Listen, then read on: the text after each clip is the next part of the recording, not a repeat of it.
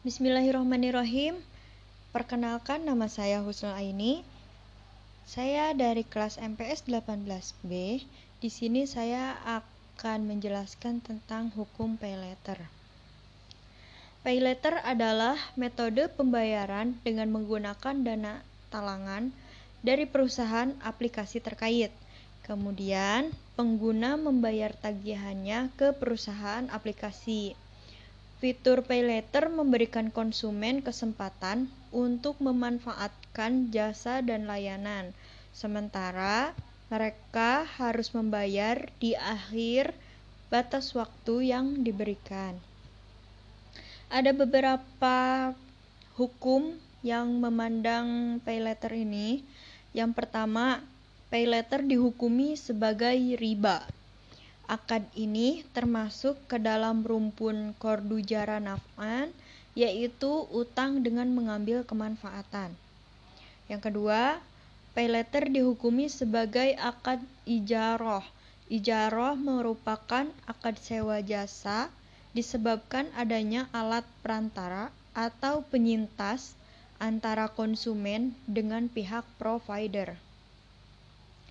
Pay letter dapat dipandang juga sebagai ba'i bi al-wafa. Ba'i bi al-wafa adalah sebuah praktik jual beli yang dilakukan oleh seseorang karena adanya hajat yang tidak bisa dihindari, sehingga perlu orang ketiga menjadi pihak perantara.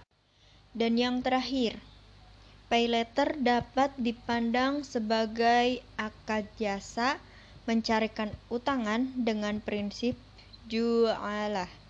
Jualah merupakan akad sayembara, seolah-olah pihak konsumen melalui penyintas berupa aplikasi itu sedang berbicara ke provider.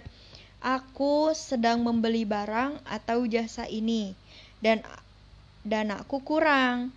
Tolong carikan aku utangan, nanti kamu saya kasih 10% dari dana itu yang aku bayar dalam satu tahun. Dengan demikian, maka dapat disimpulkan bahwa bagaimanapun juga keberadaan aplikasi PayLater merupakan tuntutan kebutuhan zaman yang serba cepat. Namun, karena adanya unsur keharaman dalam PayLater, disebabkan berlakunya akad utang piutang antara konsumen dengan provider.